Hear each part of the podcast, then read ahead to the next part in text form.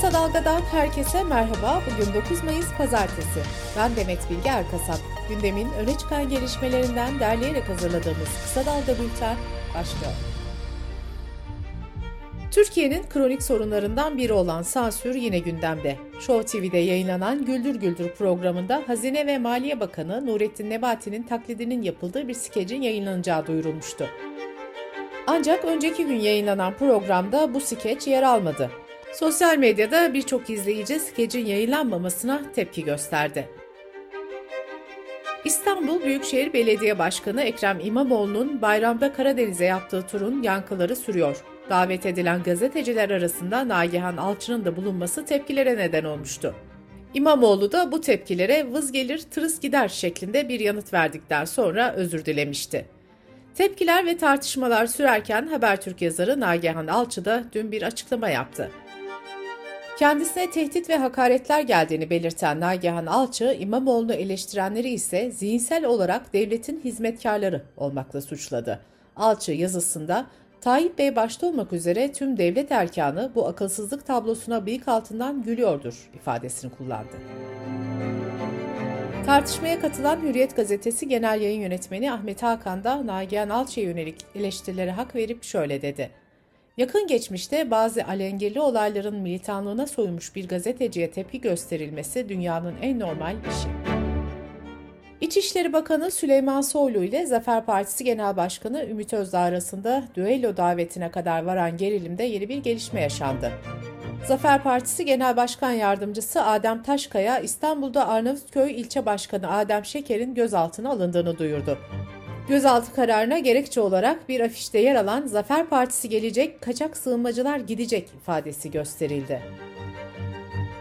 CHP İzmir Milletvekili Murat Bakan yeniden yargılama gerekçesiyle tahliye edilen hükümlü Hizbullahçıları gündeme getirdi. Murat Bakan, yargılamalar ne oldu, tahliye edilen Hizbullahçılar nerede diye sordu. AKP Grup Başkan Vekili Bülent Turan ve Çanakkale Milletvekili Jülide İskenderoğlu, Gelibolu'da katıldıkları iftar programı dönüşü 1915 Çanakkale Köprüsü yerine feribotu tercih etmişti. Turan katıldığı bir programda köprü yerine feribotu tercih ettiği için kendisini eleştirenlere dangalak demişti. Turan'ın Çanakkale'nin Biga ilçesinde Ramazan bayramının birinci gününde düzenlenen bayramlaşma töreninde feribot tercihini haber yapanlara da gerizekalı dediği ortaya çıktı. Diyarbakır'ın Sur ilçesinde 2015'te yaşanan çatışmalarda büyük hasar gören Surp Giragos Ermeni Kilisesi 7 yıl aradan sonra önceki gün ibadete açıldı. Kilisede dün de 7 yıl aradan sonra ilk kez ayin gerçekleştirildi. Demirören Haber Ajansı'nın aktardığına göre Diyarbakırlı Ermenilerin yanı sıra İstanbul, Ankara ve İzmir gibi kentlerden gelen Ermenilerin katılımıyla yapılan ayin, kilisenin çan sesiyle birlikte başladı. Türkiye Ermeniler Patriği Maşalya'nın yönettiği ayinde mumlar yakılıp dualar edildi. Sırada ekonomi haberleri var. Türkiye Fırıncılar Federasyonu tarafından yapılan açıklamada Ankara'da 200 gram ekmeğin fiyatının 2.75 liradan 3 liraya yükseldiği belirtildi. Ankara Büyükşehir Belediyesi'ne ait halk ekmekte ise 250 gram ekmek 2 liradan satılıyor.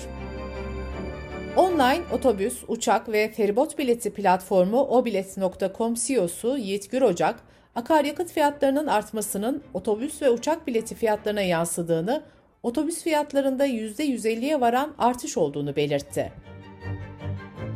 Amerika Merkez Bankası FED ekonomisti Levent Altınoğlu, Merkez Bankası'nın rezervleri arttırmak için bankalardan aldığı ödünç dövizleri ödemekte zorlanabileceği uyarısında bulundu. Mersin'in Tarsus ilçesinde yılın ilk turfanda kiraz hasadı yapıldı. Ürünlerin kilosu 800 ila 1000 lira arasında satıldı. Ziraat mühendisi Deniz Gürbüz, kirazın tanesi 4 ila 5 liraya denk geliyor dedi. CHP Genel Başkan Yardımcısı Ahmet Akın, Cumhurbaşkanı Erdoğan'ın Karadeniz'de doğal gaz rezervi bulunduğu müjdesinin üzerinden geçen 20 ayda vatandaşın kullandığı doğal gaza %100 oranında zam yapıldığını açıkladı. Dış politika ve dünyadan gelişmelerle kısa dalga bültene devam ediyoruz. Kuzey İrlanda'daki parlamento seçimlerini İrlanda Cumhuriyet Ordusu'nun eski siyasi kanadı Sinn Féin kazandı. Bölge parlamentosunda ilk kez çoğunluğa sahip olan Sinn Féin bir yandan ekonomiye odaklanma vurgusu yaparken bir yandan da Birleşik Krallık'tan ayrılmak için dürüst bir tartışma çağrısında bulundu. İrlanda parlamentosunda ayrılıkçı bir partinin ilk kez çoğunluk kazanması bölgenin Londra'dan doğrudan ayrılacağı anlamına gelmiyor. Birleşik Krallık'tan ayrılmak için gereken referandumun Britanya hükümetinden onay alması gerekiyor. Sinn Féin, İRA ile bağlantıları nedeniyle İrlanda sınırının her iki tarafında uzun yıllar dışlanmış olsa da 1998'deki Hayırlı Cuma Anlaşması sonrasında ekonomik sorunlar, sağlık hizmetleri, yaşam maliyeti gibi gündelik hayata dokunan meselelere odaklanarak Kuzey İrlanda'nın en popüler partisi haline geldi. Son seçimlerde de ayrılıkçı bir program izlemek yerine ekonomik kaygılara odaklanmıştı. Ukrayna, İkinci Dünya Savaşı'nda Nazilerin bozguna uğratılmasının yıl dönümü olan 8 Mayıs'a yine bir savaşın ortasında girdi. Ukrayna Devlet Başkanı Zelenski 8 Mayıs'ın yıl dönümü için hazırladığı videoda bir daha asla mesajı verdi. Zelenski şunları söyledi.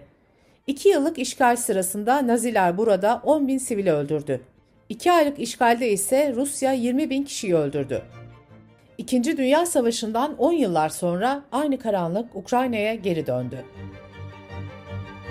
Rusya ise Sovyetler Birliği'nin Nazi Almanyası'na karşı zaferini 9 Mayıs'ta yani bugün kutluyor.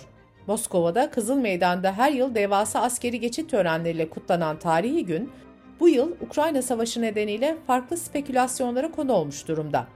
Rusya'nın bugün Ukrayna'ya nokta atışı saldırılar gerçekleştireceği, hatta nükleer saldırı düzenleyeceği yönünde spekülasyonlar Batı basınında yer alıyor.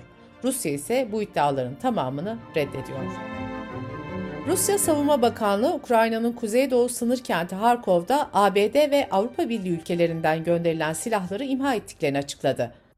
Açıklamaya göre Odessa'da da askeri hava üssü hedef alındı. İtalya hükümeti 700 milyon dolar değerindeki Şehrazat isimli lüks yata el koydu. Yatın Rusya Devlet Başkanı Putin'e ait olduğu öne sürülüyor. Ancak Reuters'ın haberine göre İtalyan Ekonomi Bakanlığı yatın sahibinin kim olduğunu açıklamadı. 2020 yılında şu anki sahibi tarafından satın alınan 140 metre uzunluğundaki yatta iki helikopter iniş sahası bulunuyor. Toplamda 18 kişilik kapasitesi bulunan yat 40 mürettebat ile hizmet sunabiliyor.